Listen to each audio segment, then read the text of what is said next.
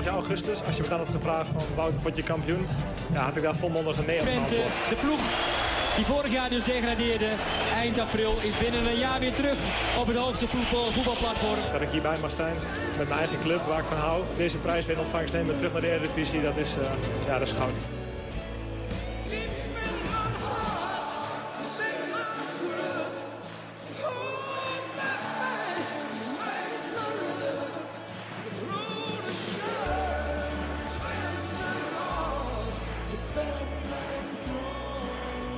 De podcast voor alle FC Twente fans. Dit is Tukker Praat.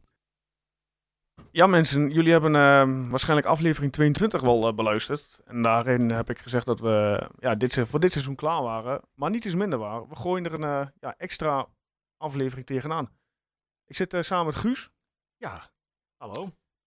We zitten niet alleen Guus. Nee, Ik ben best wel eh, ja, vereerd dat die man hier zit. vereerd zelfs. Ja, nou, we hebben best wel redelijk wat gasten gehad eh, dit, eh, dit jaar al. Waar we niet eh, over te klagen mogen hebben. Nee, en nu, eh, nu een extra die, die denk ik voor deze special wel heel geschikt is. Die eh, Absoluut. helpt ons er wel doorheen, denk ik. Dat ben ik. Hij heeft genoeg te vertellen, verwacht ik. Kun je nog even doorgaan, jongens, met deze introductie, want eh, ik hoef niks meer te zeggen, geloof ik. hè? Nee, voor de mensen die ja, nog aan zijn stem niet herkennen. eh, Leon Tervoorde. Leon, welkom. Goedemiddag. Leon is eh clubwatcher van eh Twente voor de Tubantia. Ja, Guus, wat gaan we vandaag doen? Ja, het seizoen, eh, de eerste helft van het seizoen eh, bespreken. Tenminste, tot hoever we zijn. Want Ja. dat moet erbij gezegd worden. eh, RKC is natuurlijk dus nog niet geweest. Nee. Eh, en wel een belangrijke wedstrijd. Maar goed, al die wedstrijden. In principe zijn we ook op de helft, volgens mij. Dus, eh, eh, dus we kunnen ermee aan de slag. Kort en bondig, Leon. Wat is jouw eh, gevoel tot nu toe van het eerste seizoenshelft? Ehm, ja, daar moet ik wel meteen bij vertellen, daar hadden we het net ook al een beetje over, dat die wedstrijd tegen RKC gaat, geeft wel heel erg het gevoel van, eh, is bepalend voor je gevoel hoe je met z'n allen aan de kerstdis zit. Ja. Daar kunnen we niet onderuit. Eén wedstrijd kan dat gevoel eh, een beetje maken en breken. Ehm, aan de andere kant, wat je net al terecht zei, we zitten op de helft van het seizoen, 17 wedstrijden gespeeld. 19 punten, doe je dat maal twee, dan heb je er genoeg om erin te blijven. En dan is de missie geslaagd. Maar ja, zo simpel is het niet in voetbal. Ehm 1 en 1 is niet vaak eh, 2 in, in, in deze wereld. Ehm, mijn gevoel is een beetje dubbel. Ehm Twente is natuurlijk heel goed begonnen. Absoluut. Zes wedstrijden, 12 punten.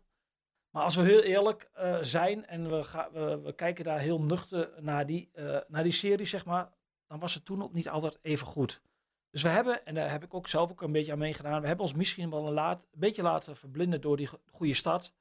Ehm, ik weet nog dat ik eh, na Fortuna, waar Twente won, en de laatste uitwedstrijd die ze wonnen, eh, met iemand van de club sprak en dat we zeiden van, eh, nou ja, één ding is zeker, joh, houd in ieder geval één ploeg onder je, want dit Fortuna is zo slecht.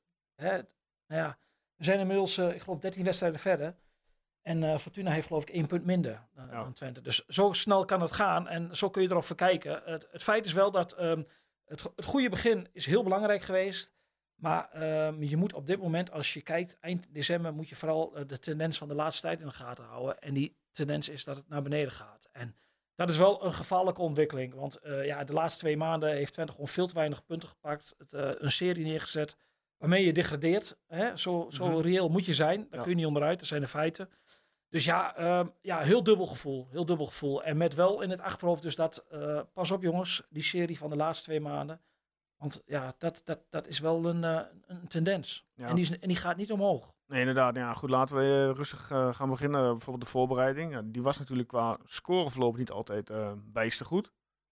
Hecht je normaal veel waarde aan een voorbereiding? Of zeg je van, nou, dat komt eh, vanzelf wel? Ja, de voorbereiding vind ik altijd een noodzakelijk moetje. Aan de ene kant vind ik het altijd heel fijn dat, dat het weer begint. Hè. Kan mij niet vaak genoeg gevoetbald worden.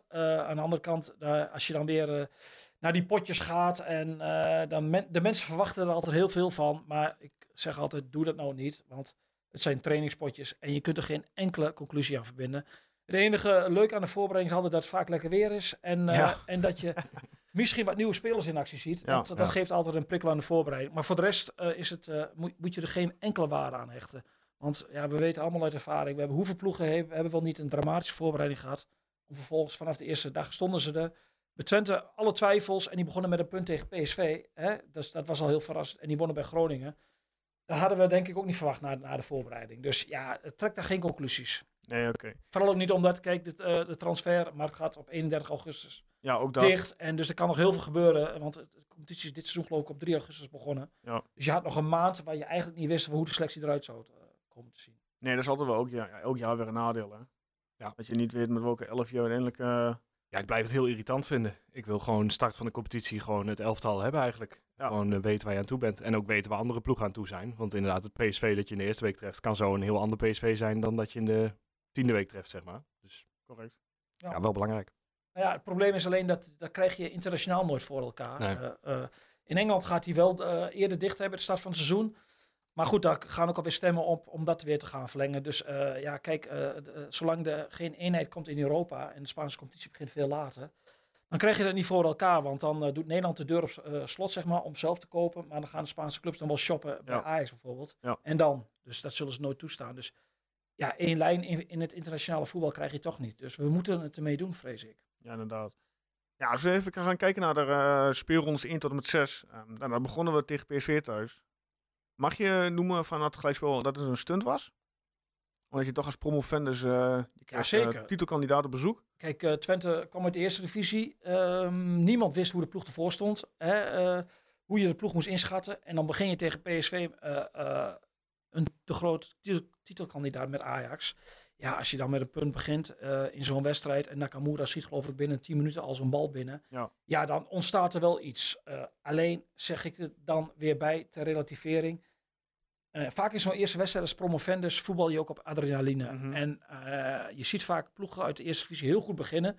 Maar uiteindelijk bepaalt de kwaliteit wel waar je terechtkomt. En dan, in zo'n eerste wedstrijd kun je heel veel. Dan zit het scoreverloop in zoverre mee dat je voorkomt. Hè. Voor hetzelfde geld kom je na een kwartier sta je met 1 of 2-0 achter. En dan Mhm. wordt het 5-0. Dat had ook zomaar, eh, misschien gekund, niet op basis van die wedstrijd toen hoor. Maar hè, dat kan als je tegen PSV speelt als promovendus. Nou ja, dat zat allemaal mee. En Twente beet zich vast in die wedstrijd. En met een beetje geluk eh, eh, trokken ze eh, dat punt over de streep. Dus ja, dat was natuurlijk een heel lekker begin. Waardoor iedereen eh, er wel lekker in kwam, zeg maar. Ja, Ja, je had er meteen zin in, in dit seizoen. Terwijl je eigenlijk dacht van, oh jee, je had geen idee wat er ging komen. Terwijl, nou ja, als je op je vakantie, eh, terwijl je lekker aan het zwembad ligt, eh, een 1-1 ziet diezelfde avond, dan denk je, nou, Jij was er niet bij, jij was- gaat zwemmen? ik lag er inderdaad aan het zwembad eh, in Oh, Kroatië. En eh, met een PSV-fan Oh, ook nog. man. Dus ik heb me heel goed vermaakt eh, die, Ah, die, die dag, ja. Ja, ik weet nog wel dat wij naar, de, met, naar, naar het stadion gingen en dat ik mensen tegenkwam, supporters en in mijn omgeving allemaal Twente supporters. Mhm. En iedereen zei eigenlijk hetzelfde. Als er maar geen afgang wordt. nee. Ja, Hè? Inderdaad. da- als er maar een leuke avond wordt. Dus iedereen had zich eigenlijk neergelegd bij de onvermijdelijke nederlaag. Ja. En als je dan met een punt begint tegen PSV, ja, dat is natuurlijk wel een, eh, een, meteen een bonuspunt. Ja, inderdaad. Ja, ehm, die week erop gingen we, eh, ja, ging het team van Garcia op bezoek naar Groningen. Eh, dit duel gaat toch wel in de boeken als het eh, duel van de VAR dit seizoen Toen zat ik op het terras met een biertje. Ja, ik ook alweer. In, Grie- in Griekenland. Kijk, vier keer ja, was er VAR nodig. Twente had nog wel een lastige openingsfase. Ehm, Groningen kwam tot drie, te- tot drie keer toe bijna op voorsprong. Maar na een kwartier kregen we een een penalty. Ja. Maar ja, die werd helaas door eh, meneer Aitor eh, gemist. De bal spatte uiteen op de lat. Eh, halverwege ging het, ja, de eerste helft gingen we, kregen wij de bal op de stip. Maar Sierreus uh, stuitte op Joel Drommel. Echt een knotsgekke wedstrijd als je het zo Maar toen, kwam het gekste, toen kwam het gekste gedeelte nog. Aan het eind van de eerste helft. Weet je nog? Ja, ja, ik heb het dus niet gezien.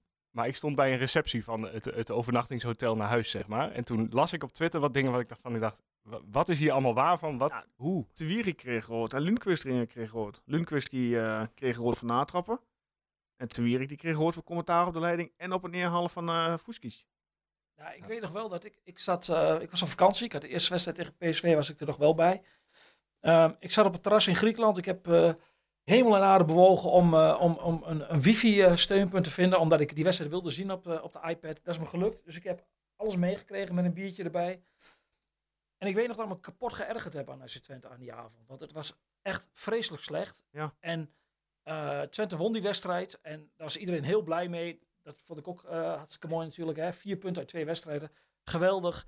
Maar als je toen heel eerlijk naar die wedstrijd keek, naar 11 tegen 11, dan eh, had Twente die wedstrijd normaal gesproken gewoon verloren. En achteraf, met de wetenschap van nu, in december, kon je toen eigenlijk al wel wat dingen zien. En Mhm. eh, we lieten ons allemaal een beetje verleiden door, door, door de zegen bij Groningen. Heel knap als promovendus. Maar goed, eh, het was 11 tegen 9. En, en, en Groningen scoorde op het laatst ook nog. En, en, en het werd ook nog eventjes spannend ook, ook nog. Dus Ja. ja, ehm, winnen, inpakken en wegwezen. Maar het was gewoon echt eigenlijk een hele slechte prestatie daar voor Twente. Want Ze hebben toen met 11 tegen 9 ook bijna geen kansen gecreëerd. Nee. Dus het was, eh, uiteindelijk moest geloof ik een vrije trap van Nakamura aan te pas komen om, om, om, Om de eh, score te openen, ja. om de score te openen. Dus ehm, ja, ehm, heel, heel, heel mager. Alleen drie punten.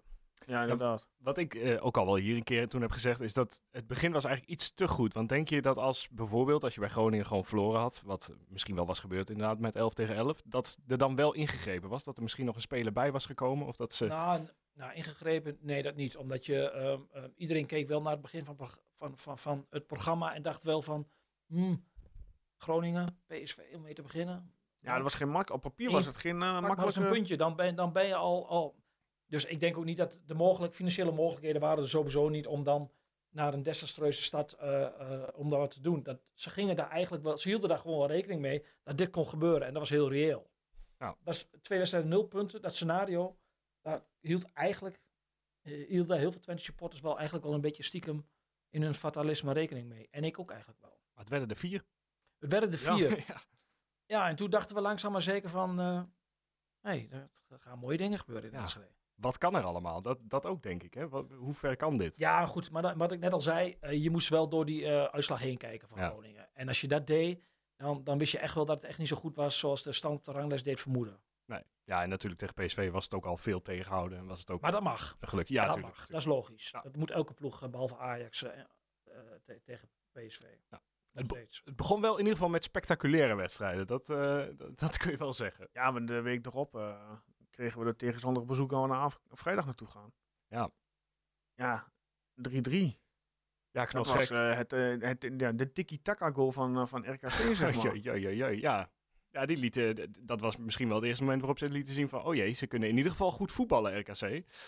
Of ze ook eh, punten kunnen halen, dat was het tweede. Maar Ja, ze halen wel bij ons op punten dan. ja, Heel, lang, het- heel lang op de ranglijst hebben ze, hadden ze één punt en die hadden ze gehaald. Ja. in, eh, Ja, in, in, Enschede. in Enschede. En vervolgens Ja. wonnen ze de eerste wedstrijd. En dat deden ze tegen Heracles. Dus ja. die jongens die houden van... Overijssel eh, ligt en goed, zeg maar. dat ligt zo goed. Dat geeft weinig... Dat geeft de burger geen vertrouwen voor vrijdag. Nee. Maar Nee. dat was denk ik de eerste domper van het seizoen. Want Ja. ja. ja, de daar had je dus van tevoren, denk je, als je je rijk rekent, moet je nooit doen in voetbal, maar dat doen we allemaal stiekem toch. Had je gedacht van, nou, RKC die ga je wel winnen. Dat wordt de eerste overwinning. Nou ja, dat werd het dus niet. Eh, eh, ja, je zei het al, knotsgek. Gekke ga je het niet meer beleven. Eh, eh, eh, voorsprong komen, op achterstand komen, minuut voor tijd. Eh, vervolgens eh, in de blessuretijd de voorsprong komen, denken dat je er bent. En uiteindelijk wordt het 3-3 en krijgt RKC daarna nog Ja. een enorme kans. Ja, die bal te paal, Dus hè. niemand wist wat hij met zijn gevoel aan moest. Van moeten we nou tevreden zijn met een punt? Of moeten we gewoon balen omdat we in de 89 minuut nog voor stonden? Ja, ja, zeg het maar. Ik weet het ook nog steeds niet. ja, ik baalde, dat weet ik wel. Maar dat had ook Ja, met een weddenschap te maken die ik open had staan. Oh, maar, je hebt heel veel geld verloren ja, die middag. nou, ik had heel veel geld kunnen winnen, maar dat, ja, toch, was bizar gewoon. Jij was er niet even tussendoor die man eh, die deze week een 100, eh, 100.000 euro in de total won met de Champions League, Nee, hè? nee, nee, nee, nee. Ik ben er daarna ook mee gestopt. Ik Ja. dacht, eh, ja, als RKC zelfs nog de 3-3 kan maken tegen mijn weddenschap in, dan, eh, dan gaat het gewoon nooit meer lukken. Nou, ik vond het toen wel... ik, eh, heel veel mensen waren toen heel blij omdat ze een leuke middag hadden gezien. Ja. Of een leuke middag hadden gehad, een leuke wedstrijd hadden gezien. Maar ik vond het toen toch wel eh, aan het onder de streep toch wel twee dure punten. Absoluut. Zeker. En, maar ik zei er toen ook eerlijk gezegd ook bij van... Dit RKC is niet zo slecht zoals heel veel mensen denken. Ik kan me niet voorstellen dat die laatste worden. Zei ik toen op de derde speeldag. Volgens nog wel. Ze staan voorlopig nog laatste. Ja. Ja, de week erop gingen we naar Friesland. Naar Heerenveen. Dat was wel een lastig potje. Ik eh, ben hem helemaal vergeten, dus over Ik deze kan ik eh, heb weinig, de wedstrijd bijgewoond. Ehm, ik zat in het, op dat moment in het uitvak. Ja. Ehm, ja, Twente behaalde dus een puntje. Maar eigenlijk had Heerenveen die wedstrijd moeten winnen, als we eerlijk zijn. Ja. Want Heerlijk, ja, Heerenveen was wel de betere ploeg. Nou, Ja. Twente begon heel goed. Het eerste half uur was, was voor Twente. En eh, toen speelden ze eigenlijk eh, het beste voetbal tot, dat, tot aan dat moment, zeg maar, in het seizoen. Alleen ze zakten toen wel heel ver weg. En toen kreeg eh, van Heerenveen kreeg enkele enorme kansen. En eh, ja, na rust was het echt bijna een klein wondertje dat Twente de nul hield. Ja. En achteraf heeft dat heel lang geduurd voordat ze er weer de nul hielden. Daar komen we denk ik later nog op terug. Maar eh, ja, dat was, was weer een bonuspunt. eh, eh, een punt gepakt. En, maar wat toen al wel een thema werd, was dat Twente in de tweede helft heel ver wegzakte. Ja, En eh, toen uh, begonnen toch de eerste verhalen de kop op te steken van, is deze ploeg fysiek wel klaar voor de competitie? En uh, ja, uh, Casilla heeft de afgelopen week in de persconferentie op weg naar de wedstrijd tegen Coed Eagles ook nog iets over gezegd. Hij zegt, hij kan het heel mooi vertellen in het Spaans-Engels van hem, van dat ze eigenlijk fysiek eigenlijk totally shit waren op dat moment. Maar dat ze op basis van karakter echt dat laatste half uur overeind bleven. Is het inmiddels beter dan de, de, die fysieke gesteldheid? Nou, ik heb soms nog wel mijn twijfels. Okay. Ik, dat, weet je, dat is voor een uh, buitenstaander, hoewel je er wel dicht op zit, is dat altijd heel moeilijk om daar precies de vinger op te leggen. Omdat je, ja, je, alles wordt gemeten. En uh, we hebben de kassier daar wel eens mee geconfronteerd. En dan, uh, dan zei hij van, ja, maar wacht eens even, we, we, we, lopen de meeste meters. En Espinosa loopt de meeste meters en dit en dat. Alleen, dan krijg je weer een vervolgvraag van, maar wat zegt dat? Ja. Het gaat om de intensiteit waarmee je loopt en niet hè, om de hoeveelheid. Nee. Dus ja, goed, ik heb wel eens die data opgevraagd dit seizoen bij Twente, maar die uh, willen ze die vanuit, niet, vanuit, vanuit privacy uh, willen ze niet geven, ja. omdat ze, of omdat ze weten dat ze eigenlijk misschien heel weinig lopen. Dat is misschien uh, ook een reden, weet ik niet. In ieder geval, die cijfers kreeg ik niet, omdat ik daar, en ik had er geen vervelende bedoelingen mee, maar ik was er gewoon heel benieuwd naar, zeker in deze tijd dat alles gemeten wordt. In data leek het mij wel een leuk verhaal van hoeveel loopt zo'n ploeg nou eigenlijk tijdens een wedstrijd. Maar ja, ik AVG technisch dat het inderdaad. Uh, nee, zelfs blessures mogen ze niet meer uh, volledig openheid uh, overgeven. Hè, zonder, nee, alleen als je weet dat een speler een jaar is uitgeschakeld, dan weet je dat het om kruisband gaat. Ja. Maar voor de rest zeggen ze nog niet dat iemand een gebroken hun teen nagel nee. nee, ja, jammer eigenlijk. Ja, dat is allemaal de wet van de, de, de, de privacywet. En ja, het is allemaal een beetje zwaar over, het is allemaal zwaar overdreven, maar goed, je hebt ermee te dealen. Ja.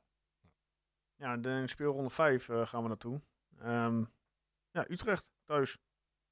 Ja, in dat wedstrijd. geval uh, zag je een soort van vechtmachine bij Twente. Want uh, ja, Twente won met 3-1. Uh, Fukic tekende weer zijn vierde treffer alweer aan voor dit seizoen. Ja, toen begonnen we langzaam aan te denken dat we opeens een, een, een briljante spits in huis hadden. Ja, die, ja Twente nestelde zich door deze overwinning in de subtop.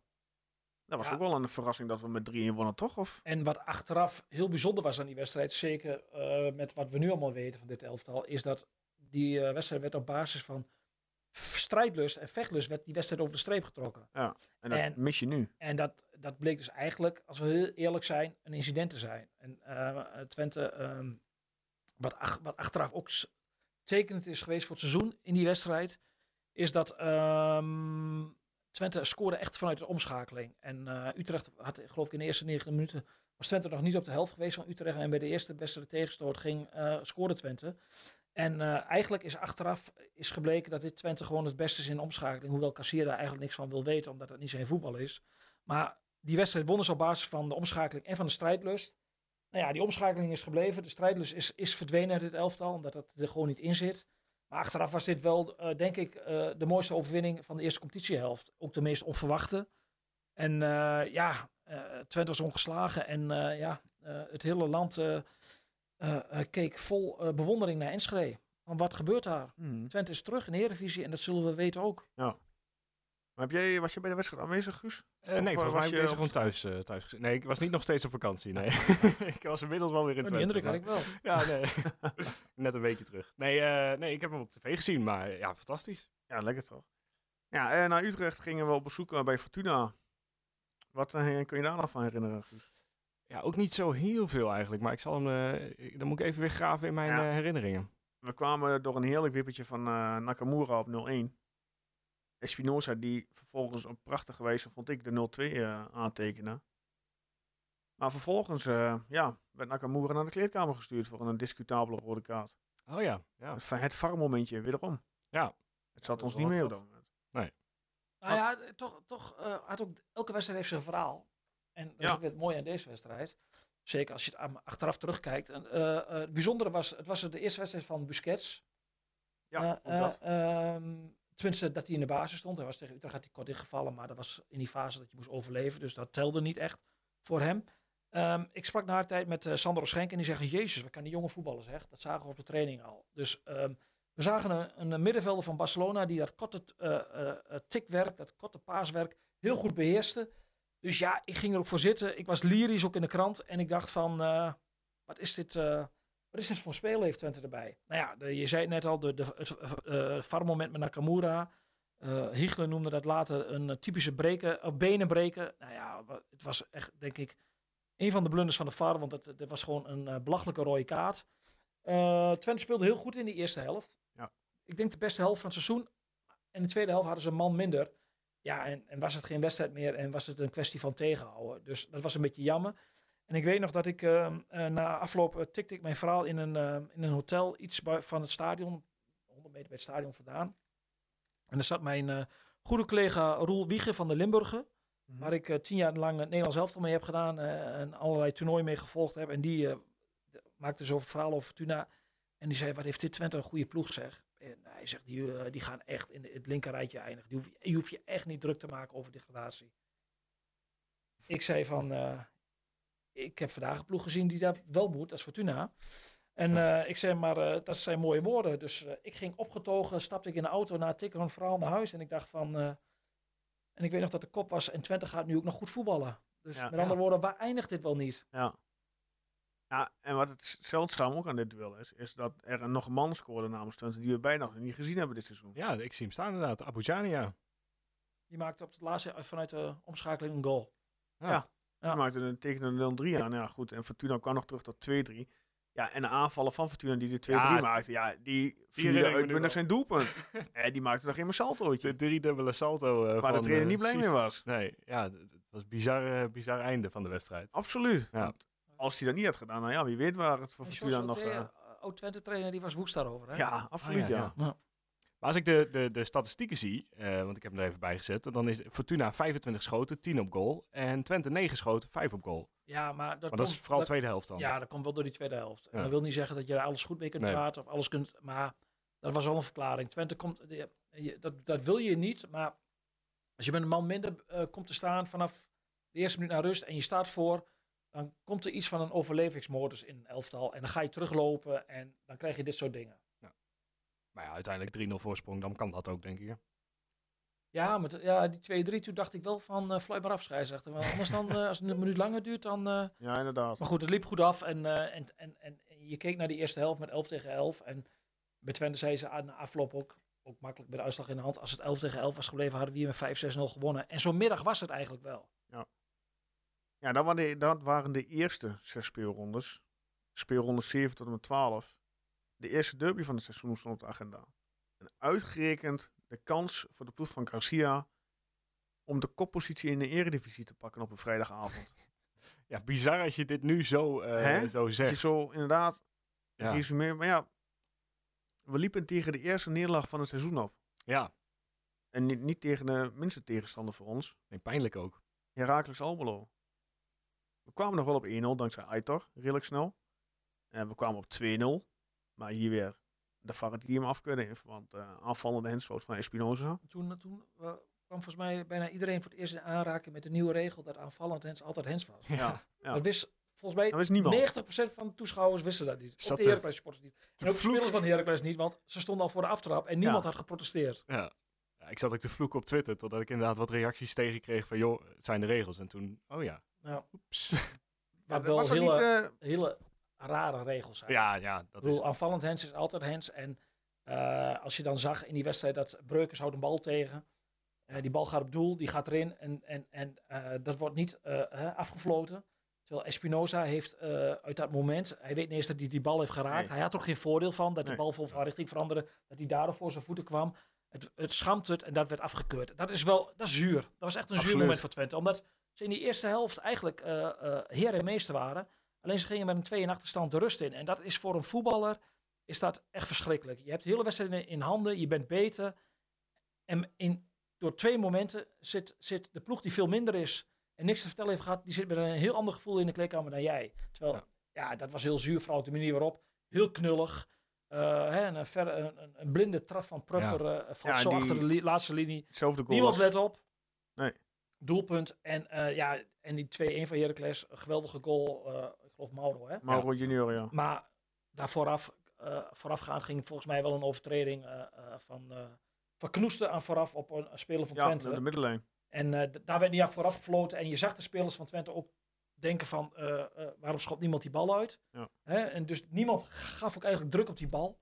Vervolgens maakt Mauro hem wel geweldig af. Maar ja, de betere ploeg zat met een kater in de kleedkamer. En dat, en dat heeft de hele tweede helft doorgewerkt. Want Twente moest in de achtervolging. En Heracles is dodelijk in de omschakeling. Daar zijn ze heel erg goed in. Dus die kwamen in hun kracht te spelen. En Twente heeft eigenlijk die hele tweede helft aangevallen. Maar bijna geen kansen meer gehad. Dus je voelde eigenlijk die 3-1 wel een keer aankomen. Ja, maar ook dat was weer een doelpunt. Die 1-3 van Mauro. Die mag, ja, dat was de kleinste man van het veld. Ja, Maar hij kopt hem wel binnen. ook symbolisch hè. Achteraf, Twee eh, als je kijkt naar symbolische momenten in het seizoen.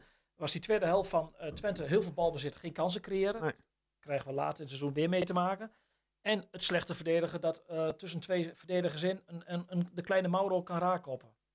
En Dessus, die helemaal vrij loopt, die zich helemaal Ja, kwijt en, zijn. en, Dat was echt en, een typische wedstrijd voor de verdediger. Die Ja, ja, ja, ja, visie nog niet echt op scherp Dessus en. Mauro zijn gewoon echt levensgevaarlijk. Zeker in die fase van het seizoen.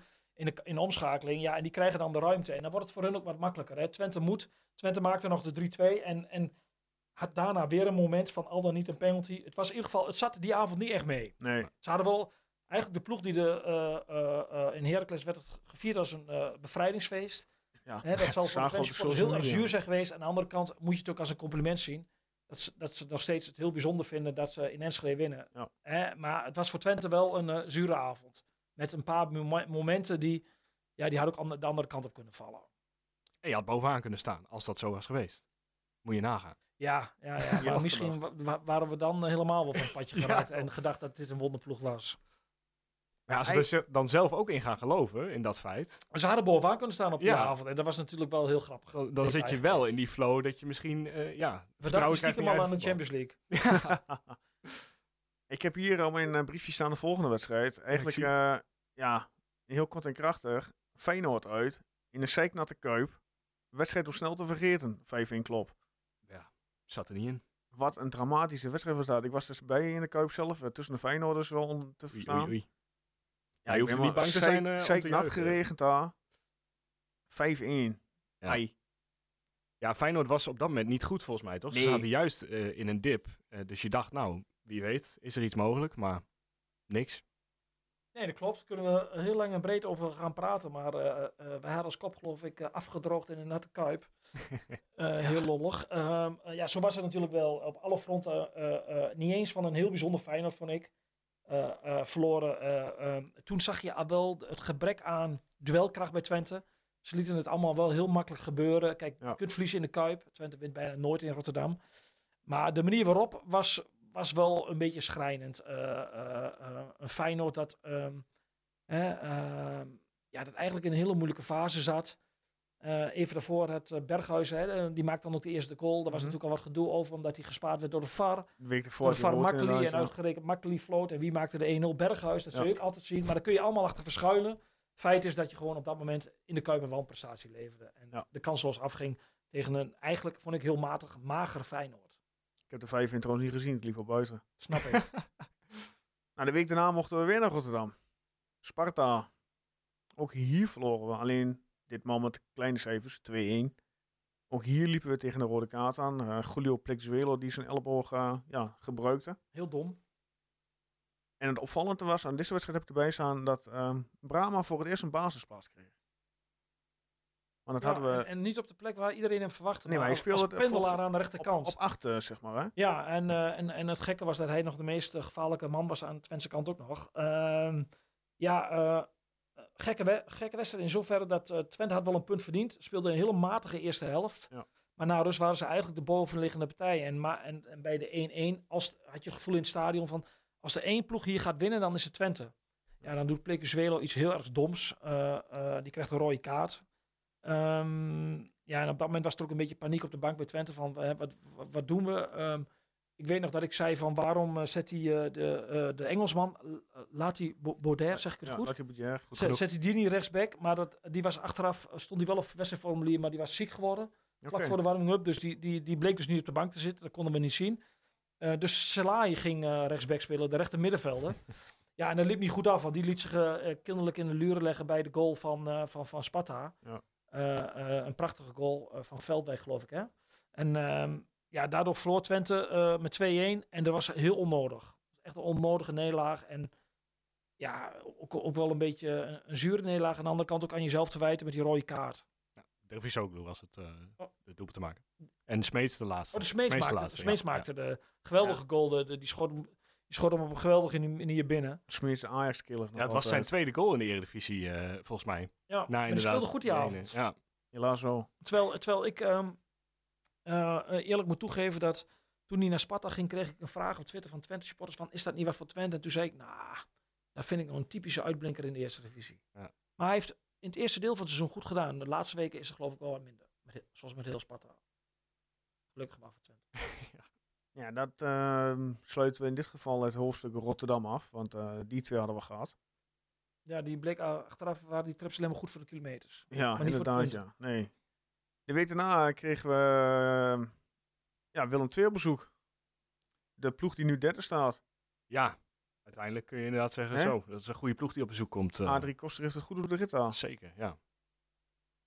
Ik- Ja, van, ja, van die wedstrijd weet ik eigenlijk, die ben ik een beetje, een beetje kwijt. Ik weet wel dat ehm Willem II volgens mij al vrij snel op voorsprong kwam en dat Twente eigenlijk heel, die hele wedstrijd onmachtig was. En, eh, en, en, en wat ik me herinner was dat eigenlijk het eerste op maandag, los van Feyenoord dan, het eerste echte analytische, kritische verhaal van mijn kant over eh, wat Garcia met deze ploeg eigenlijk, eh, wat hij wil Mhm. en wat er mogelijk is. Ja.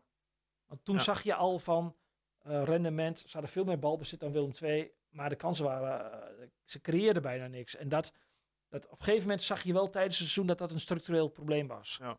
En je zag ook dat eh, tegenstanders, kijk Twente eh, eh, heeft dan veel balbezit, dat lijkt dat ze dominant zijn, maar het was vaak een schijnoverweg, want ploegen kregen gaandeweg het seizoen ook door van, geef Twente maar de bal, Ja. want die creëren namelijk niks, die weten daar geen raad mee. En ja, dat, dat proces zag je gaandeweg het seizoen. En daar was Willem II een goed voorbeeld van. Zag je dat heel erg ontstaan. Is het een beetje zolang Twente niet countert, hoef je er niet al te bang voor te zijn eigenlijk. Ja, ja, ze zijn, ze, dat willen ze, daar willen ze niks van weten. Maar omdat, voor de wedstrijd tegen Heracles zei ik ook nog van... eh, dit wordt een ploeg tussen de twee eh, eh, teams die het beste kunnen omschakelen. En daar was Garcia toen niet mee eens. Die vond Heracles meer een typische counterploeg. En waarop ik nog zei om het een beetje toch wat los te krijgen. Maar ik vind dat geen negatieve klank. Hè. Ik bedoel, daar zijn we in Nederland gelukkig wel vanaf dat omschakelen een, meteen, meteen voor negatief voetbal staat. Eh, want ik vind het namelijk een geweldig iets, een hele mooie counter goal. Maar nee, daar wil hij, daar wil hij niet aan. Maar als je heel eerlijk bent, heeft Twente daar ook spelers voor.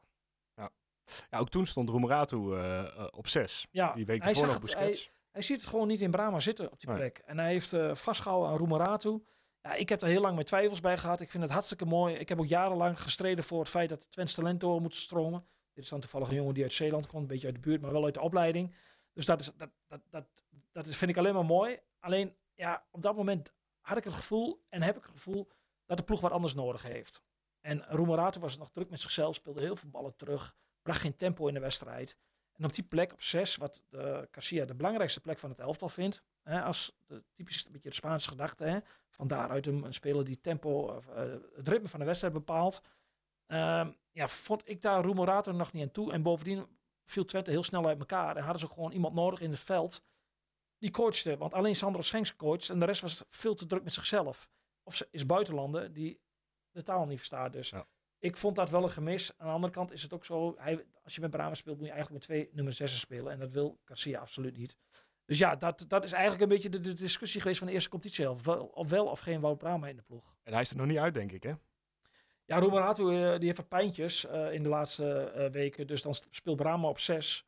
Ja, volgens mij heeft hij nu iets met de voet. Want ik, eh, ik zag Ja. hem van een week, of van een week tegen Vitesse in de catacombe. En toen hoorde ik hem praten dat hij last van de voet had. Ja, heeft de club niet gecommuniceerd, waarom mag niet, hè? Maar een voetblessure. Bij dus. deze. Ja, bij deze grote primeur. Roemerato heeft last van zijn voet. Eh, ja, ja, dus speelt Brahma op die plek. En eh, ja, die moet de ploeg een beetje bij elkaar proberen te houden. En dat is niet makkelijk, want dit elftal mist wel duidelijk sturing. Ja. Ja. Maar gelukkig gingen we die week daarna, kregen we drie punten. Ja, was ook wel nodig. Wel op een belabberd veld, want het veld lag er net nieuw in. Na het eh veld debakel met het, eh, ja, de, de drumband afhergen, zeg maar. Ja, datzelfde veld ligt er nog in, toch, nu? Ja, het veld, maar ik had het gevoel dat het veld tegen Vitesse wel wat Ja, beter het ja, ik weet het. Het zag er Hij had zich wel bijgetrokken. Ja, dat veld is wel een van de grootste debakels van het seizoen. Geweest. Want Twente stond erom bekend eh, dat ze een gewel- geweldig goed veld hadden. Ja. In, de, in de, al die klassementen van de voetballers van de VVCS, van de voetbalvakbond, eh scoren ze ook altijd top 3, top 4. Hè, de Kuip en, en Grosvesten, daar wilden de voetballers graag spelen. En dan eh, ja, is er een directeur die het goed vindt dat daar een, eh, een, een showband eh, EK wordt gehouden. In een periode van het jaar dat je weet van, zou wel eens slecht weer kunnen zijn. Ja. Bovendien weet je ook, we gaan het- de tijd van het jaar in dat het veld niet meer groe- gaat groeien. Als je het kapot loopt, is het kapot tot en met het voorjaar. Nou ja, de- dat hebben we met z'n allen geweten. Eh, nieuw veld erin, eh eh, trammeland, iedereen boos. Eh, directeur trekt eh, van de kraan, die trekt de boetekleed aan. En, en eh, was er ook nog een mevrouw binnen de club die in, in alle onwetendheid zei van, eh, er is meer dan voetbal. Eh, we moeten ook het geld op deze manier binnenkrijgen. Eh, en daar kreeg ik nog hele discussies over met mensen van, eh, onder andere van de TOS, geloof ik, de voorzitter, die het daar helemaal mee eens was. Ja, volgens mij eh, moet je die mensen meteen verbannen. Want eh er is maar één ding wat telt in een voetbalbedrijf. Voetbal, voetbal. is altijd leidend. Ja. Alles moet ten dienste staan in het voetbal. En dat mis ik wel eens bij Twente. Dat bepaalde eh, eh, afdelingen zich daar net zo belangrijk vinden dan de voetballers. Mhm. Maar daar kun je alles van vinden. Als je daar niet mee om kunt gaan, moet je niet bij een voetbalbedrijf gaan werken. Het gaat om het eerste elftal. Dat is het Ja. enige dat telt. En eh, ehm, dan kun je hoog springen, kun je laag springen.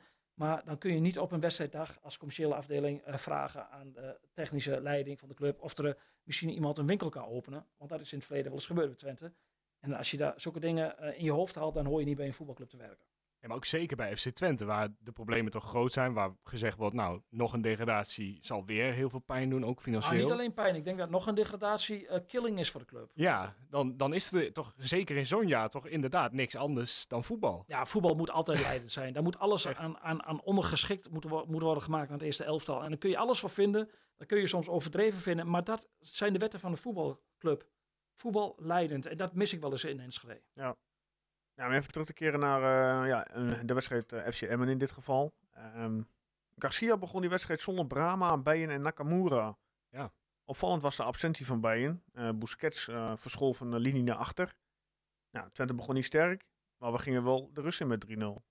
Twee keer Fukic en één keer Selahi die sterk afronden en die de derde treffer aantekenen. Nou tweede helft weet ik echt nog wel, er gebeurde bijna geen hol meer. Want ja, Emmen was op dat moment onmachtig om maar iets eh, verder terug te doen. Ja, dit, dat was zo'n wedstrijd die... ehm, eh, Twente zat in een fase dat er maar één ding telde. En dat was Winst. echt de overwinning. En Ja. hoe die tot stand kwam, kwam niet. Maar als we heel eerlijk waren... speelde Emmen gewoon eh, lange tijd het betere voetbal in de Grolsvesten. En En ze Twente kregen kreeg- nog aan het begin volgens mij nog de eerste kans. ja, Twente kreeg er geen druk op. Twente kreeg geen dominantie in de wedstrijd. En ze maakten eigenlijk vanuit het niks maakten ze heel snel 3-0 volgens mij. En dan Ja. eh, stonden ze voor bij rust. Ja. Maar dat was eigenlijk op basis van het veldspel was dat geflatteerd. Alleen Emmen gaf het heel makkelijk weg. En eh, Twente won met 4-1. Eh, eh, ja, het deed wat het moest doen.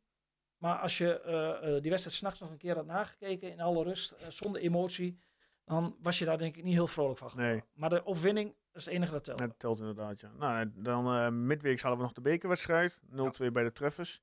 Tja, Ja, Goed gedaan. prima, Ja, met, beker met, verder. Nakamura maakte een geweldige goal die niemand zag, omdat het op een amateurveld gebeurde. Ja. Maar dat zijn eh, lastige wedstrijden, kunnen dat zijn. Absoluut. Twente pakt het gewoon goed aan. En met, met Brahma op 6, die toen heel goed speelde, voor wat het ook waard is. Mhm. En eh, het, het leuke aan die wedstrijd is dat, eh, dat ik Sandro Schenk tegenkwam. Die had zich daarvoor, na de wedstrijd tegen Emmen, beetje uitgelaten over Oh, ja. wat, wat journalisten. ja. Eh, en, eh, maar Sandro en ik, eh, Sandro en ik die, gingen lachend daar het sportcomplex af. Nog net niet arm in arm.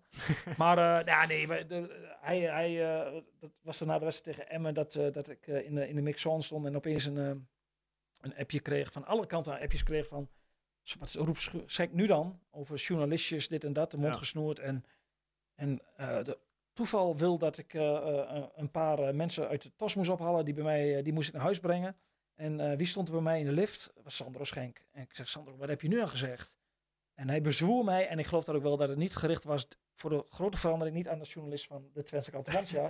dus ten voorde had het dit keer voor de verandering eens niet gedaan. Maar Dus het dat was, viel mij mee. het was wel heel raar, want hij was één wedstrijd aanvoerder. Ja, dat was Eh, niet slim. het, en opeens komt hij daarmee. Ja, hij was heel slim. En eh, eh, eh, heel veel supporters die zeiden ook van, ja, wat is dit dan? Weet je, nu heb je Ja. opeens babbels. Eh, je hebt een keer een wedstrijd gewonnen. Ik, ik, eh, ik denk dat hij daar achteraf ook al spijt van heeft gehad. Het is gewoon emotie Eh, geweest. ik bedoel, en, eh, ja, die komt net van het veld. Vol adrenaline, heeft gewonnen met 4-1. En dan waan je je misschien iets groter Ja. dan je bent. Ja. En dan roep je dat zoiets. Maar blijkbaar zat het hem dwars eh, eh, eh, eh, eh, in bepaalde, ja, ik geloof praatprogramma's wat, wat over hem geroepen werd. En ik geloof dat er ook nog een beetje oud zeer zat uit de tijd dat hij bij Coët zat. Ah, Dus ja, eh, er speelde van alles een rol. Eh, eh, feit is wel dat social media een heel grote invloed heeft, ook op spelers. Want dat, Absoluut. dat, merk, dat heb ik het afgelopen seizoen ook gemerkt. Kijk, die Spanjaarden lezen niet de Tubantia. Nee. Hè, die ligt daar wel in het spelershome. Die zullen ongetwijfeld een keer bladeren van sta ik op de foto. Maar die gaan een stukje van tevoren niet lezen. Maar wat ze wel doen en wat familie wil doen is dat ze die vervelende fansites gaan kijken. Ja. en daar Ja. wordt alles eh, eh, opgeblazen met een kop erboven. Dat halen ze door de vertaalmachine. En daar hebben wij vaak last van. Ja. Ook als, als eh, eh, eh, collega's wat twitteren, eh, die eh seizoenkaarthouder zijn, dan heeft Tubantia dat getwitterd. En ja, dan, wordt, dan zijn ze boos op Tubantia. En terwijl ze de krant niet lezen. Dus ja, dat is altijd eh, eh, een beetje een spanningsveld. Ik heb daar vorige week nog wel met Cassia over gehad van. Eh, eh, probeer nou eens de, nu- de nuance te zoeken. Want ik heb soms wel eens dat ik denk van welke idioot dat geroepen op Twente fans. Wat daar in de kop staat. En dan ga ik het lezen en dan ben ik het. Die, eh, maar dan, wordt het, dan is het helemaal Ja, er is ja. één fragment uitgehaald wat, wat het meest pakkend is. Maar de nuance wordt er weggelaten. Volgens kijk ik heel af en toe is bij de reacties. Nou ja, dan is denk ik de mild- meest milde reactie dat ze mij met een space shuttle naar de maan moeten afschieten. Dus ja, zo wordt er een beetje eh, gecreëerd, die, die, die sfeer, door mensen die nooit, die nooit de krant lezen. En dat, eh, ja, dat speelde rond die wedstrijd vooral. Want dat Ja. werd een thema. Is het een idee om een Spaanse vertaler in te huren die, eh, die de heb- ik sportstukjes Ik heb vertaalt? Espinoza, we hebben een Spaanse opmaakster. Oké, en die heb ik vorig jaar als tolk meegenomen.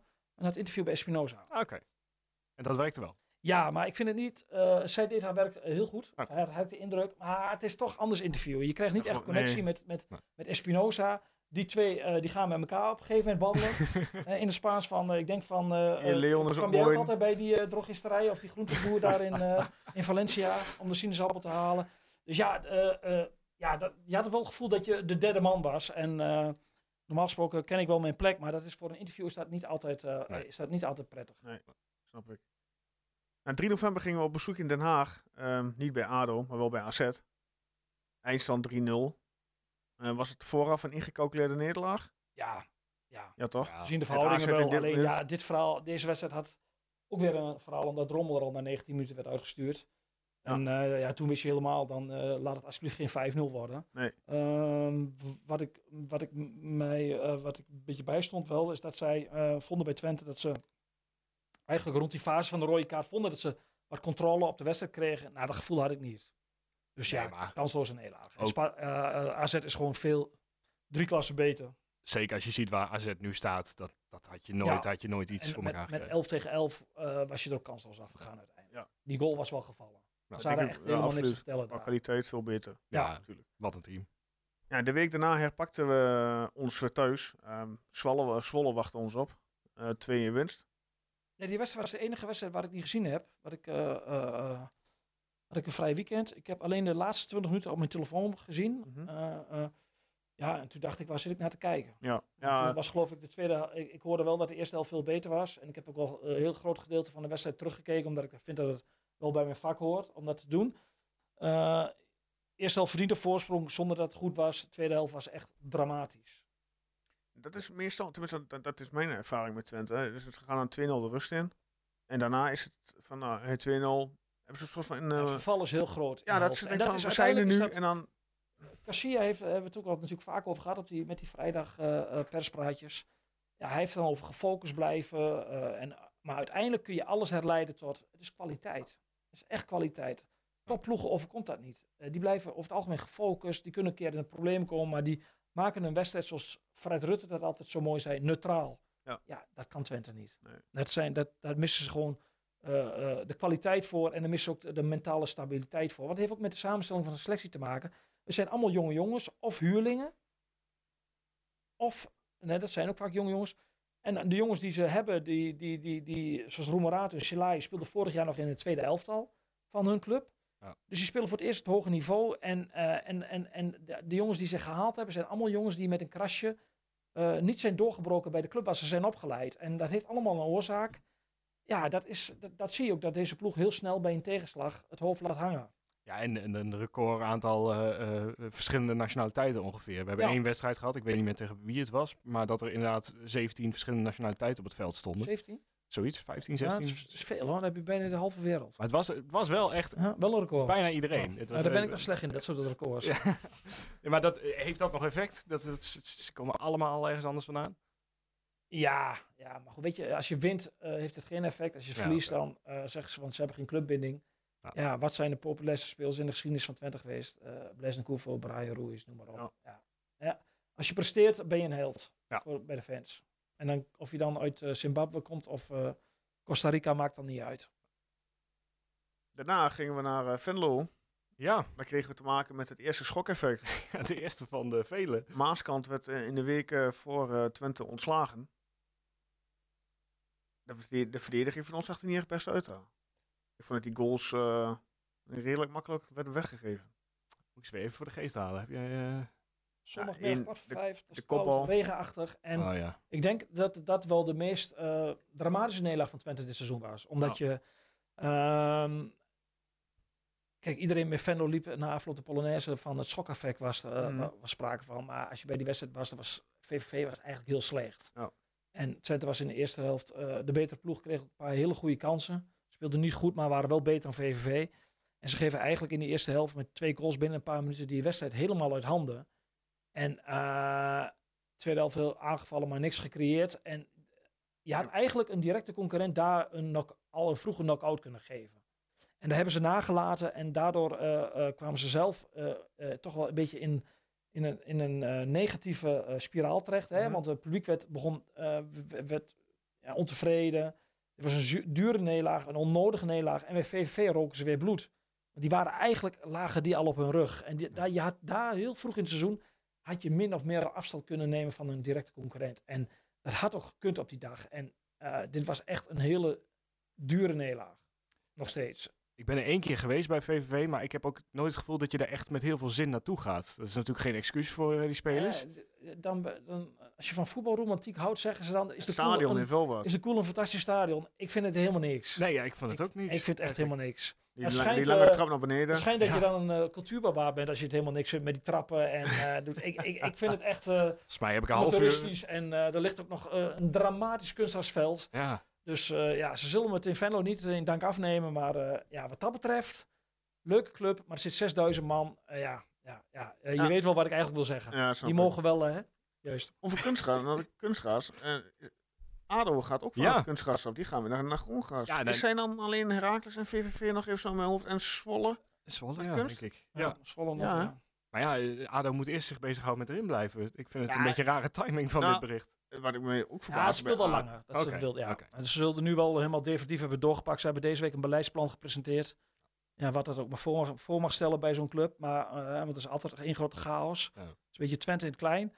Ehm, En ze willen de, de maar moet ook niet op kunstgras. Nee, Nee. dat ben ik met je eens. En, en, en, en, en Immers ook niet. Immers ook Dus niet, dat ja. zijn ook geen voetballers voor kunstgras. Die moeten eh, slidings eh, van zes meter afstand eh, en dan vliegende en, tackles doen. ja. En dat komt allemaal wat beter over op gras. Maar gaat denk je ADO een, eh, een, een, een, Twente-actie doen? In de zin van een Engelse trainer ophalen? Ja, maar niet zomaar een Engelse trainer. Pardon, hè? De- deze man is nog nooit buiten Engeland geweest. Maar het is Nee, dat was Steve ook niet. Nee, ja. ja. het is echt, echt heel raar. Maar ja, ik, ik, vind wel, ik vond het bij Steve heel leuk op zich. Dat, er dat er zo'n Het schijnt dat hij een Nederlandse makelaar heeft. Oké. Want we- Ah. je denkt inderdaad van, we kennen deze man van Match of the Day. hè? Ja. Dan stond hij langs de lijn. Hij heeft geloof ik ook nog een keer iemand eh, eh, neergeslagen tijdens de wedstrijd als coach. Pas perfect bij ADO dan. Dus dus wat dat betreft is, is het een uitstekende match. Eh, maar ehm, ja, eh, ja, verrassende keus, heel rare Ja. keus. Eh, kijk, McLaren had wel bij United gewerkt en ook bij de Engelse nationale ploeg. Dus Ja. dat was wel een naam. Ja, Mhm. Hij is ook een naam. Maar ik heb toch een beetje het gevoel dat hij, eh, ja, laten we noemen, een beetje de... Beetje, ja, ja, ja, ja, hij, is niet, hij is geen hoogvlieger in het Engels voetbal. Hij heeft veel clubs gehad. Ja. Dus ja, en eh, eh, ik weet ook niet of hij de kracht van Nederlands voetbal helemaal kent. Want hij begint zondag uit bij Ajax. En ik had toch even gezegd van, ik ga dan wel op de tribune zitten. Toen Ja. om dan met een 7-0 te beginnen, dan eh, begin je al meteen weer achterstand. Ja, ADO krijgt er nog lastig genoeg dit seizoen. Ja, maar dat is weer gunstig niet- voor Twente. Absoluut. Ehm, nou goed, dan was VVV uit. Vervolgens eh, hadden we weer een thuiswedstrijd. En dat was niet de minste. Zo hé. Eh, de landskampioen kwam op bezoek. De sterk spelende ploeg eh, van Den Haag maakte, maakte furoren in Europa. Ja, op dat moment Eh, heel goed in vorm volgens mij ook. Maar wat eh, ja, de tegenstanders in Europa niet konden, kon Twente wel. We kwamen 2-0 voorsprong. Ja. Wie had Ja. dat verwacht? Ja, niemand denk ik. Ik denk dat het tegenhouden was en hopen Ja, dat je wel. ergens wat vond. Ja, jij had hem... eh Nee, nee, nee. Dat was goed? wel Ik dacht ook van, wat gebeurt hier? Waar ben ik ben beland? Ja. Maar ik dacht, ik keek tegelijkertijd wel naar dat scorebord en dacht, oei, het is nog wel heel, heel lang. Het was nog geen 89 minuten helaas. Nee, nee. Ja, het is jammer. snel. Ja. Het is jammer dat we ja, hier nog voor rust op die 2-1 eh, kwamen. Dat Noah Lang nog eh, een balletje erin prikte. Ja, maar Twente kwam daar niet meer uit. En Eh, na de tweede, tweede helft was het helemaal niks Ze meer. hadden bij de tweede nog een counter die, die hè, als, als Aita Ja. opkeek, iedereen in het stadion zag Nakamura vrij staan. Hij niet. Ja. En dat is En dan weet je gewoon keer 3-0, dit seizoen. dan denk je van, hij had misschien nog een punt gepakt, maar ja, uiteindelijk 5-2. Ik wat ik wel eh, de ploeg verwijt in die wedstrijd is dat ze de goals veel te makkelijk weggeven. En, uiteindelijk, en uiteindelijk krijg je vijf goals tegen. En dat is toch wel een beetje het verhaal van de eerste competitiehelft, het aantal tegengoals. Dat zijn de cijfers van een, eh, waar je mee echt niet in het linkerrijtje terecht gaat komen. Daar moeten ze echt wat aan doen. Want Drommel is de beste speler, denk ik, van de eerste competitiehelft. Dat is je keeper en toch Ja. zoveel tegengoals. Dus dat zegt wel wat over eh, de statistieken. Twente krijgt ook de meeste, volgens mij, schoten op doel tegen. Mhm. Ze creëren het minste. Dat, dat zijn allemaal wel dingen waarvan je denkt van ja, Oei. oppassen. Oei, ja. ja. Het was ook echt een lunchwedstrijd hè, voor Ajax. Kwart over twaalf. Ja, Ajax kan dat niet. Dus wat dat betreft maakt Ja, ze er heel dat, goed dat gebruik zei ik van. ook voor de grap. Maar toen kreeg ik hem eh, links en rechts om de oren. En dat was ook terecht. Oh, Want echt? eh, twee weken daarvoor speelden ze tegen Utrecht om kwart over twaalf. De beste helft die ik ooit van een Nederlandse club Ja, heb ja, gezien. Dus ja. Ja. ja. Ja. Voor mij was het een geintje. Maar dat werd, eh, ja, dat moet je, geintjes moet je niet meer maken in het huidige hedendaagse voetballandschap. Want dan krijg je ze links en rechts om de oren. Nou ja, vervolgens kregen we een week daarna met het tweede schokeffect. Nou ja, goed, het eh, werd 0-0. We verloren gelukkig niet eh, uit bij ADO. Maar eh ja, Groenendijk die kreeg op zijn kloten bij eh Heracles. En die dachten de dag daarna van... eh, "Hey, jongens, in zoek het uit. Ik hou de eer aan mezelf. Ja. Ja, we speelden een draak van de wedstrijd. En hetzelfde geldt voor ADO. Want het, het was een wedstrijd om niet om aan te zien. Nou, ik kon hem niet terugzien en ik weet het appje nog dat ik van jou kreeg. Want ik zei, ik zat bij de podcast, dus ik zei, nou, ik zal hem helemaal terug gaan kijken. Het moet dan maar. En ik kreeg, het eerste appje wat ik kreeg was je meteen, nu dan weer? doe maar niet. Ja, nu was ik aan het werk, dus nu Oh. kon ik, eh, nu kon Ja, ik, goed- nu ik goed excuus. excuus. Ja. Maar ik was van plan om helemaal terug te kijken, maar ik kreeg van alle kanten eh, door, doe dat niet. Want Nee, het dat- heeft dat- echt geen zin. En hij niet getrokken. Nee, dat, Nee, S'nachts om drie uur. Echt, Nee. eh, Ja, nee, ja goed. eh, eh, ja, een punt gepakt. Zo, achteraf moest je zomaar eh, denken. Ja. Een concurrent is niet helemaal tot leven gewekt. Ehm, maar goed, eh, ja, heel slecht voetbal. eh verdedig het wel aardig gedaan. Hè? Schenk eh, verdedigde goed. Drommel was geweldig in die wedstrijd. Die straalde echt uit van er komt geen bal in hier vanavond. Aitor die vlak na rust, als hij die had daar ook weer de bal moeten eigen afleggen. succes gaat, maar staat drie man zo'n beetje alleen voor het doel vrij. Nou ja, dat was de enige kans een beetje voor Twente. Op laatst komen ze nog goed weg, omdat een speler van ADO de bal tegen, van Kramer tegen zijn hoofd krijgt. Anders was Ja. naar de kruising gegaan. Ja, inpakken en wegwezen, een punt. Heel slecht, slechte wedstrijd. Maar goed, ook die Maar het resultaat eh koesteren. koesteren. ja, en het is een uitwedstrijd. Een dus, puntje, ja. ja. ja. zo was het ook. Thuis kun je dit niet maken naar het publiek, vind ik. Dan, dan, dan doe je ze echt tekort. Ja, nee, dat klopt. Het was ook niet bewust, hè. Het, het, het, het was gewoon heel slecht. En het was Nee. eigenlijk een... Ja, dit is ook een beetje het niveau van deze ploeg, hè. We moeten eh, eh, naar het mooie begin waar we deze uitzending mee begonnen zijn. Daar is natuurlijk heel weinig van over. Ja, want eh, dan kregen we de laatste wedstrijd eh, die tot nu toe qua competitie gespeeld is. Vitesse thuis. Nou, de rust halen we 0-0. Eerst zelf zou je zeggen, niks aan de hand. Ja, wat vond je van het begin van de, van de wedstrijd? Nou, ik, ik, vond het geen, ik, vond, ik vond het geen goede wedstrijd. En eh Casilla vond eh naderhand in alle nabeschouwingen dat hij, dat hij vond dat ze heel goed hadden gespeeld. Ik vond wel dat Twente eh, eh, de betere ploeg was eh, van de twee en ook de kansen kreeg. Ja. Nakamura kreeg een kans. Aitor kreeg op aangeven van Espinoza die weer terugkwam in de basis. kreeg hij een kans. Espinoza die er weer in kwam omdat Roemerato geblesseerd was. Maar dat was vrij als een heel leuk moment. Want toen zei ik tegen Casilla van ja, je mist toch zonder Espinoza creativiteit. Want wie van je middenvelders gaat met Roemeratu, uh, Brahma en Salahi, waar die daarmee bij de aarde spelen, wie gaat dan een doelpunt maken of assist geven? En nou, toen zegt hij van, wat is dit nou dan weer? Het hele jaar klagen jullie over Espinoza en nu dit? nou ja, dat was een hele grappige bijeenkomst. Oh, en daar had hij ook wel weer een punt. Ja. Uh, maar goed, Espinoza heeft wel de meeste uh, kansen voor Twente gecreëerd. Staat op nummer 17 in, in het klassement van alle Eredivisie-spelers. Is daarmee de eerste speler. Heeft 16 kansen gecreëerd en 4 assists gegeven. Dus ja, um, ja, ja, ja. Uh, die, en binnen 10 minuten zet hij wel twee keer Aitos een beetje alleen voor de Klopt, keeper. ja. Daarna zakt hij dat ook wel weer heel ver weg, hè, waardoor mensen dat beginnen. Maar het was een, in zoverre uh, een hele knullige wedstrijd, omdat ze goals heel makkelijk weggaven na rust. En niet meer het mentale vermogen hadden om na die 0-1 daaroverheen te komen. En wat heel uh, frappant was op die avond, was dat het publiek heel negatief was. Richting, richting spelers. ze werden uitgefloten. Mensen gingen naar huis naar de 0-3. Ja. En in Enschede is het toch de laatste jaren dat we zien heel veel slechte wedstrijden de laatste jaren. We worden niet echt verwend. Het publiek is altijd hondstrouw. En zelfs na een teleurstelling staan ze vaak nog te applaudisseren. Als die spelers die geesteling van dat rondje moeten ondergaan door het ja. stadion. En, maar nu floten ze. En het stadion was bijna leeg en ze floten. En dat was wel een signaal. Waardoor ik in de krant van maandag het woord crisis gebruikte. En dat was ik zelf achteraf niet zo blij mee. Want wanneer is het crisis? Ik had beter eh, kunnen zeggen het woord crisissfeer kunnen gebruiken. Ja. Hè? Maar goed, dat, ja, dat- zo leer ik ook weer elke dag. Ehm, ja, eh, dat, dat was een beetje aan die wedstrijd. En supporters kwamen naar me toe en maak ze af en dit en dat. Als supporters dat gaan doen, dan, eh, Weet je dat rapen gaat? dan, dan weet je dat de rapen gaat zijn en dat de ontevredenheid heel groot is. En dat de kritiek op de trainer ook heel erg toenam. Ik had zelf ook kritiek op de trainer eh, die avond. Want ik vond, eh, heel veel mensen zijn het daar niet meer mee eens. Maar ik vond de wissel van Nakamura zeer onverstandig. Zes minuten voor rust. Ja. Jonge jongen, die, eh, het is geen rotte appel in de groep. Het is een jongen die er altijd voor gaat. Een jongen die zaterdagavond heel slecht speelde. Maar de wedstrijd win of verlies je niet meer in die vijf minuten voor rust. Nee. En ehm, nu, eh, eh, je wist hoe het publiek reageerde op hem. Dat deed heel cynisch, al voor die tijd. En als het misging, fluit kon zetten. Ja, en eh, ik kreeg ook meteen een appje van mensen die in het Verre Oosten wonen. Twente supporters, die daar werken al jarenlang. En die zeiden, dit moet je nooit doen met een Japanse jongen. want die komen uit een heel andere cultuur. En je kunt allemaal zeggen, dat is profvoetbal. Klopt ook. Maar je maakt daar meer, meer kapot dan op de lange termijn dan dat je ermee wint. En Ja. Ik vind het ook slecht van zijn assistenten. Want Cassia is een, eh, eh, eh, die kan, is een onervaren trainer. Die kan die fouten maken dat hij denkt van... maar dan moet er wel iemand op de schouder tegen van... en zeggen, Konza, kijk eens naar het scorebord. Nog vijf minuten. Dan halen we er in de rust zo meteen af. Ja, er waren En- zoveel redenen om het niet te doen. Ja, heel, dat is heel, echt zijn onervarenheid. En dat, dat, vind, dat neem ik hem... Dat neem, ja, kwalijk is een groot woord, hè. Daar moet je mee oppassen. Maar het is wel... Ik vond het op de lange termijn, in, met het oog op processen... en vond ik het een heel onverstandige zet. Ja, en Nakamura kwam naar de kant en die werd, er kwam een luid cynisch applaus van de aanhang. En dan denk ik, wat heb je ermee bereikt? Bovendien breng je dan Zegnini, die al weken helemaal niks presteert op de trainingen en in de wedstrijd van het tweede elftal. Ja, de- je kwam van de regen in de drup. Dus ik had Ja. dat Nakamura eruit ging, snap ik, maar niet vijf minuten voor rust. Nee, lekker in de rust. Ja, want eh, de, eh, dan, eh, dan had je ook Fu- Fuskis kunnen wisselen, want die was nog slechter. En, eh, en, want ik kreeg ook van de supporter, ja, wat moet een trainer moet een keer een signaal afgeven. Maar dan denk ik van, als je dan de stoere trainer wilt uithangen, dan moet je de, de, je topscorer eruit halen. Vijf minuten voor rust, die er helemaal niks van pakt, al wekenlang. Nee, kort en, ja, kort en krachtig. Ik vond, Maar niet ehm, kort geloof ik, hè? maar ik vond Plexuelo vond ik ook niet sterk voetbal. Nee, die- Als je ziet hoe die Nee. twee doelpunten van ja, eh, nee, Lins we, hebben allemaal de focus gelegd op Peet Bijen.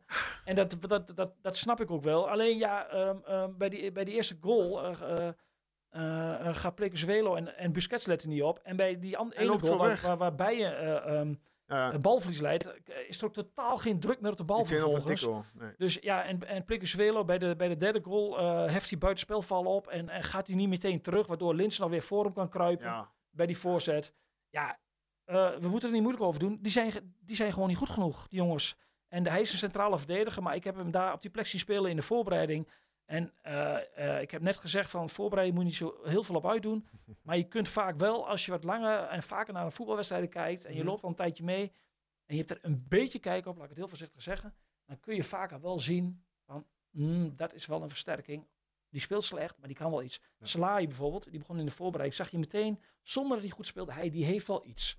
En dat heb ik bij Plekuzuelo, dat is, dat is echt opvulling geweest. En ja, daar heb je niet zoveel aan. Die is gewoon niet goed genoeg voor het niveau van Twente. En zeker niet als rechtsback. Het was ook de frustratie van Brama dat ze hem al de hele week hadden ze die goal al gezien, eh, zei hij. Eh, ze hadden de hele week al gekeken van nou, hoe gaat, hoe gaat Ja, het doen? en- En bij de eerste lange bal gaat het mis. Aan de andere kant kun je misschien ook zeggen, maar dat is ook weer wijsheid van achteraf. Van, misschien hebben ze daar wel te veel de focus op gelegd. Ja. Eh, maar goed, ja, ja, ja, je moet gewoon opletten bij de lange bal. Dit was gewoon een, eh, zoals ze vaak, een te vermijden goal geweest was, was dit. Wat vind jij van het feit dat ze deze week de hele week achter gesloten deuren trainen? Nou ja, eh, dat vind ik heel onverstandig. En, eh, ik, ik, en ik, eh, ik snap dat, eh, ehm, dat een club één keer achter gesloten deuren traint. Dat is een Ja. enkel probleem. de Uh, op standaard situatie, oefen op je strategie, prima. Maar een club als Twente, we hebben het niet over Ajax, we hebben het niet over Real Madrid of Barcelona, maar een club als Twente de hele week achter gesloten deuren. Ja, dat, en weet je wat je ook krijgt? Het gaat ook tegen je werken. Op het moment dat je niet presteert. Want dan worden de supporters cynisch en dan zeggen ze: Ik zie er niks van. Eh, Wat doet ze wanneer achter die gesloten deuren? Mhm. Dat krijg je dan, hè? En Mhm. dat, dat, daar vragen ze dan om. En, en waar, bij Twente staat al, staan altijd een groepje oude mannen staan daar eh, te kijken. Ze zullen me niet in dank afnemen dat ik ze oude mannen noemen, la, eh, noemen laten we op mannen houden. Die staan te kijken en die zijn met tien man. En er staat af en toe een verslaggever van Tubantia, waar ze echt eh, van weten dat als daar dingen gebeuren, op geheime dingen, Ja. die dat niet van tevoren in de krant zet.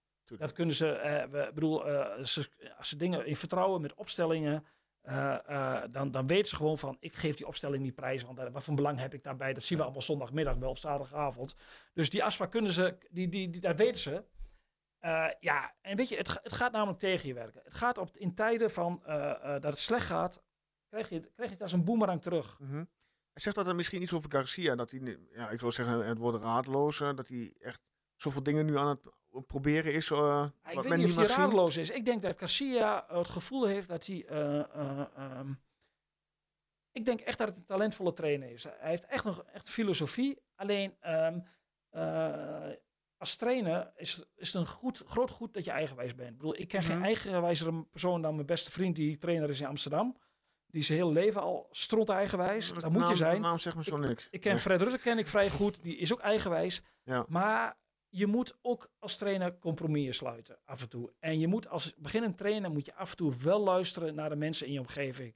Naar eh Ted Verleeuwen, naar Fred Rutte. Dan moet je, dat, daar, word, daar word je beter van. En ik heb niet het gevoel bij Twente dat de staf om hem heen hem corrigeert. En dat is denk ik wel een dingetje waar ze naar moeten kijken naar de toekomst toe. Ja, want snap jij eh, dat Peter niet meer in de staf is opgenomen? Nou ja, Zie je daar de toegevoegde waarde van? Ehm, hij is, er- hij, hij is eh, eh, eraan toegevoegd omdat hij een brug moet zijn tussen de jeugdopleiding. Hè, en, en hij heeft meegelopen Mhm. een half jaar lang bij de jeugdopleiding en naar het eerste elftal. Ja, ik vind wel dat hij wat meer met de vuist op tafel moet gaan slaan. Want ze hebben gezegd van bij Twente, we gaan trainen met zoveel spelers plus vier talenten. Ja, dat heb ik het hele seizoen niet- gezien. En ze hebben nu heel veel buitenlandse jongens. Daar op die plekken hadden ook wat jongens uit de opleiding mee kunnen trainen. Dus daar moet, je, daar moet je daar wel voor gaan staan. En Peter Niema is een heel introverte persoon. En eh, ja, die, die, die, die, die moet daar denk ik wel meer voor de opleiding eh, gaan, gaan opkomen. Wat meer met de vuist op tafel gaan slaan. Ja, maar wat me opviel is dat eh, zaterdagavond in zijn warming-up, dat Jesse Bos voor een groot deel de warming-up meedeed. En op een gegeven moment haakte die af. Maar ik ben ook wel kan benieuwd. zijn dat er misschien twijfelgeval was. Ja, dat, dat, daar ging ik stiekem wel vanuit. Maar ik ben wel benieuwd naar die jongen. Laat hem, vanavond, laat hem bijvoorbeeld ja, tegen RKC eens eh, een kwartier tot 20 minuten invallen. Ja, ja, Mocht het zich daartoe tot, tot lenen natuurlijk. Ja, dan wou ik net zeggen, dat is altijd wel. Kijk, je, je hebt altijd wel de afweging van eh, wat gaat het je brengen? En wat doet het met de jongen als je hem brengt in een bepaalde fase? Kijk, als het goed gaat, als Twente op een zevende plaats staat. Tuurlijk. En, en je wint een keer en je mee. verliest een keer, maar je, je, je, je kabbelt zeg maar rustig mee in, in, die, in die middenmoot. Dan kun je wat eerder eh, eh, wat jonge jongens brengen. Maar we moeten niet vergeten, het is alle hens aan dek dit seizoen voor Twente. Mhm. Het is echt overleven. En ik denk, als deze club overleeft, dat, eh, ja, dan, dan, dan- dan heb ik er vertrouwen in dat het de toekomst er ook wel weer goed uitziet. En dan heb ik er ook vertrouwen in dat deze club, mits er geluisterd wordt naar de juiste mensen en normaal beleid wordt gevoerd, binnen drie jaar weer de club is wie het, die het behoort te zijn in de subtop. En dan, dan, dat kan echt. En volgend jaar komen er ook wat meer financiële middelen vrij om wat met de selectie te doen. Dan is er ook wat meer tijd om naar die eh, selectie te kijken. Alleen, ja, alles valt of staat wel met handhaving. Ja. En ik denk wel dat de mensen dat moeten beseffen. En ik ben ook heel kritisch op het spel. Ik erg me ook vaak kapot aan de dingen die misgaan bij Twente. Maar misschien moeten we die lat wat lager leggen. En moeten we maar één ding denken, jongens. eh, vergeet het voetbal, de, de manier waarop. Het is overleven. Niet de speelwijze is belangrijk, maar overleven. Ja. En wat, daar maak ik mij wel een beetje zorgen om, is dat ploeg als Emmen en Fortuna, die weten, op, die leggen in hun thuiswedstrijden zoveel energie erin, dat ze die winnen. En dat zie ik bij Twente bij dit Nee. elftal niet. Dus daar moet in de winterstop echt wel iets gebeuren. Want met dit elftal ben ik te bang voor. Nou ja, je zegt het net inderdaad. Volgend jaar komt er financiële middelen vrij om wat te doen. Eh, verwacht je dat eh, Ted in dit geval in de winterstop al wat gaat doen? Want Ja. versterking is wel noodzakelijk. Want Ja. we hebben minimaal een back nodig. En dan heb ik het over een rechtsback. Ja, de, kijk, eh, de trainer wil er natuurlijk in elke linie eentje bij. Ja. Dat, dat, dat is logisch. Dat zou ik ook willen als trainer. Dat zal niet mogelijk zijn, denk ik. Maar dat heeft ook mee te maken van, van wat raak je kwijt. Hè? Kijk, eh, stel dat er een goed bod komt op Aitor. Contract loopt nog een half, over een half jaar door. Fuskic loopt over een half jaar af. Ja, dan moet je misschien wel luisteren naar dat bod. Want Ja. ik, ik weet niet of de jongens gaan bijtekenen. Nee, dat is helemaal van Dus en afhankelijk als, van je, als je hoe je eindigt. kunt, stel dat, dat je Aitor kunt verkopen, dan komt er weer geld vrij. En dan, dan kun je misschien wel één of twee goede spelers voor halen. En ehm, ja, daar zal aan de ene kant zal er wat af moeten. Mhm. En aan de andere kant wat bij. Want er moet absoluut een centrale verdediger bij. De trainer wil ook graag een rechtsback erbij. Omdat hè, wat er speelt als Mhm. vraag, die altijd geblesseerd is, Ja, zijn zijn centrale verdedigers. Dus dat, is- Ja. ja, dus dat is ook een probleem. Eigenlijk heb je er ook voorin wel eentje nodig, denk ik. centraal bedoel je. Die, die goals maakt. Hè? Die, Ja, en ten- als je weer zo'n zo'n jongen als Unal binnenhaalt, die, net, ja, die toch ook zo'n lekkere zijn goaltjes meepikte Goed, we zullen denk ik in januari eh, toch weer op, tot op het laatste moment moeten wachten. Want Ja. ja, de middelen... eh Twente heeft wel een potje, maar goed, het- elke club wil versterkingen. Dus dat zal niet makkelijk zijn, maar er moet absoluut wat bij. Want met deze selectie... Er zit er denk je een kans in dat, eh, dat Sevilla Abuyania terughaalt in de winterstop? Met het gebrek aan speeltijd? Ja, maar ik weet niet, eh, eh, eh, dat zou kunnen, maar dan moeten ze echt, een- echt een plan hebben met die jongen. En ik weet niet of ze dat, of ze dat hebben. Of zij, ehm, ja, wat, wat zij daar beter van worden. Dat, ik, ik, ik kan er niet in kijken. Alleen deze jongen heeft, die komt bij voetbal, Twente niet aan Dit voetbal toe. Die bij zonde van niet aan Dan voetbal zeg ik, verwacht dat eh Sevilla die jongen uitleent met het gedachte van, nou ja, hij krijgt speeltijd, hij wordt beter, hij ontwikkelt zich. Ja, Maar zeker. in, in plaats- Georgië, in plaats daarvan zit die jongen alleen op de bank. Ja, maar kijk, eh, hij is technisch wel vaardig. Maar wat ik van hem tot dusver gezien heb, dat is niet veel, omdat hij niet veel speelt. Maar ook tegen de treffers Mhm. en ook op trainingen en in andere wedstrijden, is dat hij, hij mist denk ik wel tempo. Het tempo voor de Eredivisie. Oké. Ja, maar hij zal, ja. zal dan de nationale ploeg van Georgië nog zo minder zijn dan het tempo in de Eredivisie? Ja, dat is blijkbaar wel. Kun je andere Georgische spelers opnoemen dan eh Abidjan? Ah, Gakko. Ja, Gakko Gietsen, Avlatse. maar die, die zijn nu nog spelen. 58 geloof ik, dus die, die, die, die staan niet meer in de ploeg. Maar Als die er nog in staan, dan zegt dat genoeg over de Georgische. natuurlijk, daar- overal zijn goede voetballers. Maar ja, dat hij international is, is natuurlijk wel... eh, eh, een international wordt normaal gesproken bij Twente wel in de basis staan. En eh Garcia heeft met hem gewerkt, Ted Vleeuw heeft met hem gewerkt eh, eh, op Cyprus. Dus die kennen hem, die weten wat ze aan hem hebben. Ja. Dus ja, en het feit dat hij niet speelt, dat zegt dan wel iets, denk ik. Nou, duidelijk. Ik denk dat het eh, voor nu eh, Ja, we zijn al lang onderweg. ja, luid dus, en eh, duidelijk is, hè? Ja, Het eerste seizoen zo. nou, precies Ja, genoeg. Prima. Ja? Ja. Ja, Drommel eigenlijk toch om het uitstek de beste speler van het, van het eerste halfjaar, toch? Ja. Ja, en als hij het zo doorgaat, dan, eh, dan, eh, dan eh, kan Twente daar in de zomer geld aan verdienen. Hoe, lang, hoe lang loopt zijn contract nog? Mm, Volgens mij nog twee jaar. Wat zou je een logische stap vinden voor Joel? Ja, vind ik heel. Ja, ik- Oké. ik, ik, kan nu heel aanmatig gaan Nee, zeggen. Hij moet naar de. Bundesliga of hij moet naar de competitie in Luxemburg. Maar ja, wa- ik weet niet waar op zijn pad komt het komende half jaar. Maar dat er interesse gaat komen, dat is wel duidelijk. Want het is echt een talentvolle keeper. Hele gekke gedachte, hè? Zou hij een prima opvolger zijn van Onana? Eh, dat, die vraag is mij vaker gesteld. Oké. En, maar ik denk niet dat Ajax het op dit moment met de lat waar, het- hoe hoog die in Amsterdam ligt. Dat ze met een eh, onervaren keeper gaan halen. Ze hebben hè, er eentje van Emmen gehaald. Ja. Die, eh, Vind je is- die is- beter? Nee, die is veel minder. Ah, eh, eh, dus daar zien ze ook wel aan hoe groot de stap is hè, van een, vanuit de Eredivisie Absoluut, naar ja. Ajax. Dus ik verwacht wel dat Ajax toch wel bij een, eh, bij, gewoon bij een, eh, bu- een buitenlandse keeper Ja. uitkomt in eerste instantie. En misschien dat ze Drommel er wel bij halen. Maar ja, ik, ik, ik denk dat ze voor een, eh, een, een, een, international uit het buitenland gaan. Ja. Als Onana weggaat, maar dat ziet het wel naar uit. Maar goed, denk ik denk wel als Drommel zich zo ontwikkelt dat Twente daar in de zomer eh, eh, geld, aan van kan verdienen. En Ja. Ja, is- daar moet het ook weer naartoe, hè? Spelers die zich ontwikkelen bij Twente en dan, eh, en dan cashen. En dan daar twee, drie spelers voor halen en nog een miljoentje overhouden voor, eh, hè, voor andere potjes. Ja. Ja. Dat is... Zo is Twente groot geworden, ooit. En wat verwacht je van eh, vrijdag? RKC vandaag kort naar de vooruitblikken. Ja, heel lastige wedstrijd. Eh, ik heb RKC best vaak gezien. Op een of andere manier val ik vaak in wedstrijden van RKC. Dat geeft al aan dat ik soms me ook verveel. Maar dan spelen ze best leuk voetbal. En ze krijgen eh, van alle kanten complimenten. Ze worden bijna nooit weggespeeld. En eh, eh, ik sprak eh, collega Vader Wagenaar nog. Die Mhm. heeft daar de eerste nederlaag, of de eerste overwinning van RKC beleefd tegen Heracles. En die vond RKC eigenlijk een hele leuke ploeg. We hebben ze in Enschede gezien. Die Ja. speelden ze wel op de counter. Hè. Daar waren ze heel gevaarlijk. Ehm, ik weet niet of ze dat thuis doen. Maar ze, zijn, ze hebben een paar snelle jongens voorin. Spierings die toch vaak goals maakt. Ja, ja.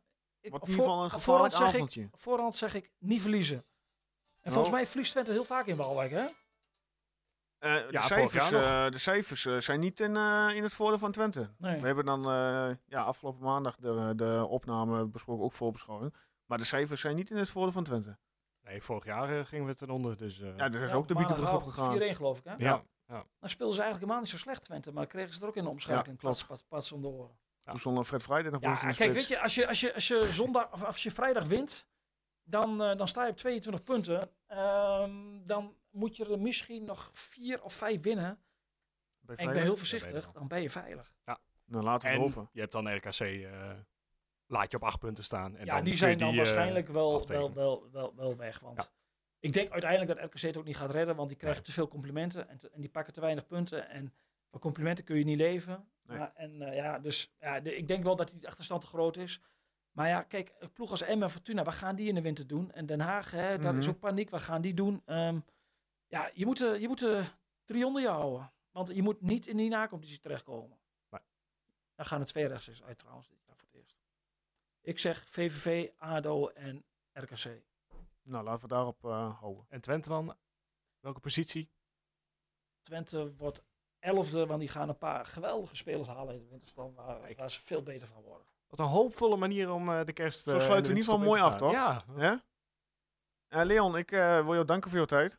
Graag gedaan. Laten we dit aan het eind van het seizoen eh, nog een keer doen. We dan eh, het hele seizoen, eh, of het tweede, tweede half jaar evalueren. En misschien leuk om dan uh, Fardo erbij te betrekken. Ja, als jullie dat een aanvulling vinden, dan, dan, eh, dan, dan moet je dat Nee, doen. als jullie hier niet echt genoeg hebben, deze analyses. Tukkenproot in combinatie met de, de ballenverstand. Ja, nou ja, gezellig. gezellig. Ik zie haar leuk. nog niet zo vaak, dus dat kan er wel bij. Helemaal goed. Hey, eh, Guus, jij ook eh, uiteraard bedankt Ja, voor jouw eh, tijd. Fijne kerst. Ja, mensen, fijne kerst, fijn eh, goed uiteinde. Nou, wij zijn er weer op eh 13 januari, zeg ik even uit mijn hoofd. Hou ik die vrij? Ja, want dan hebben we ook wel een leuke gast die gaat aanschuiven. Zullen we die bekendmaken nu of zeggen we van we, we houden het spannend? Dat is jouw keuze, je hebt het geregeld. Ik, ik zou hem bekendmaken, zou, ja, eigenlijk. Ja, Dat zou is je wel doen? zo leuk, denk ik. Dan maak je de mensen lekker warm. Nou, de dertiende zit eh, bij ons aan tafel Arnold Brugging.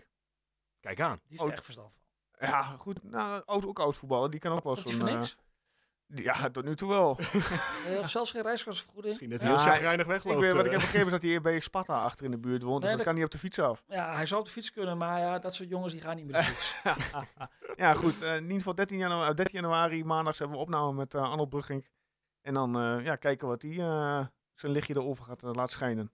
Voor nu- Van eh, de tweede competitie af. Ja. Ja. net terug uit Spanje. Ja, trainingskampje. Ja. Denk, ja, denk je dat het goed is dat, we, dat ze een week lang met elkaar op de lip zitten?